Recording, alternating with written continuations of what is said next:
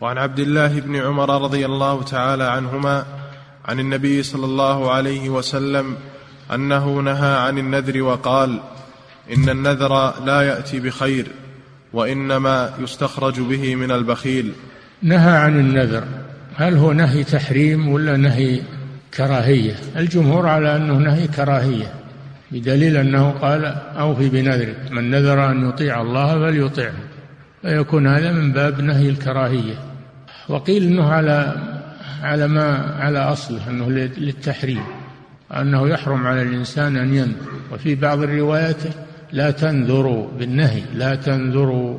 وعلى كل حال فالإنسان ما دام لم ينذر فهو في سعة.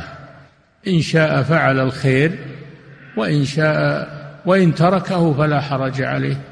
لكنه إذا نذر لزمه ذلك. وربما يصعب عليه ويشق عليه فيكون هو الذي ورط نفسه. كثيرا ما يسألون الآن عن نذور ثقيلة. ينذرونها ولا يفكرون وقت النذر. ثم إذا لزمهم النذر صعب عليهم التنفيذ فصاروا يدورون المخارج ويسألون عن المخارج. أنت اللي ورطت نفسك. النبي صلى الله عليه وسلم قال إن النذر لا يأتي بخير. فلماذا تنذر؟ لماذا تنذر؟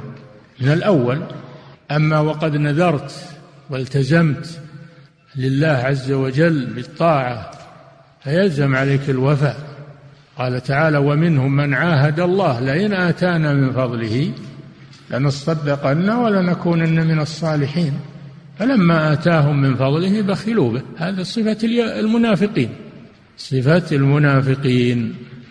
وفي الحديث من نذر أن يطيع الله فليطيعه قال تعالى يوفون بالنذر وليوفوا نذورهم فما دمت إنك نذرت اصبر ولو شق عليك التنفيذ لا بد من الوفاء ما دام إنه نذر طاعة ما لم يتعذر عليك التنفيذ إذا تعذر لا يكلف الله نفسا إلا وسعها وهذا معنى قوله إن النذر لا يأتي بخير لأنه يورط الإنسان ويوقعه في مشكل وإنما يستخرج به من البخيل في العبادة. اللي ما يفعل العبادة إلا بنذر هذا بخيل. وكان اللي ينبغي أنه يفعل العبادة بدون نذر. وكونه يفعل العبادة بدون نذر هذا دليل على رغبته في الخير. وكونه ما يفعل العبادة إلا بنذر هذا دليل على بخله على نفسه وعدم رغبته في الخير.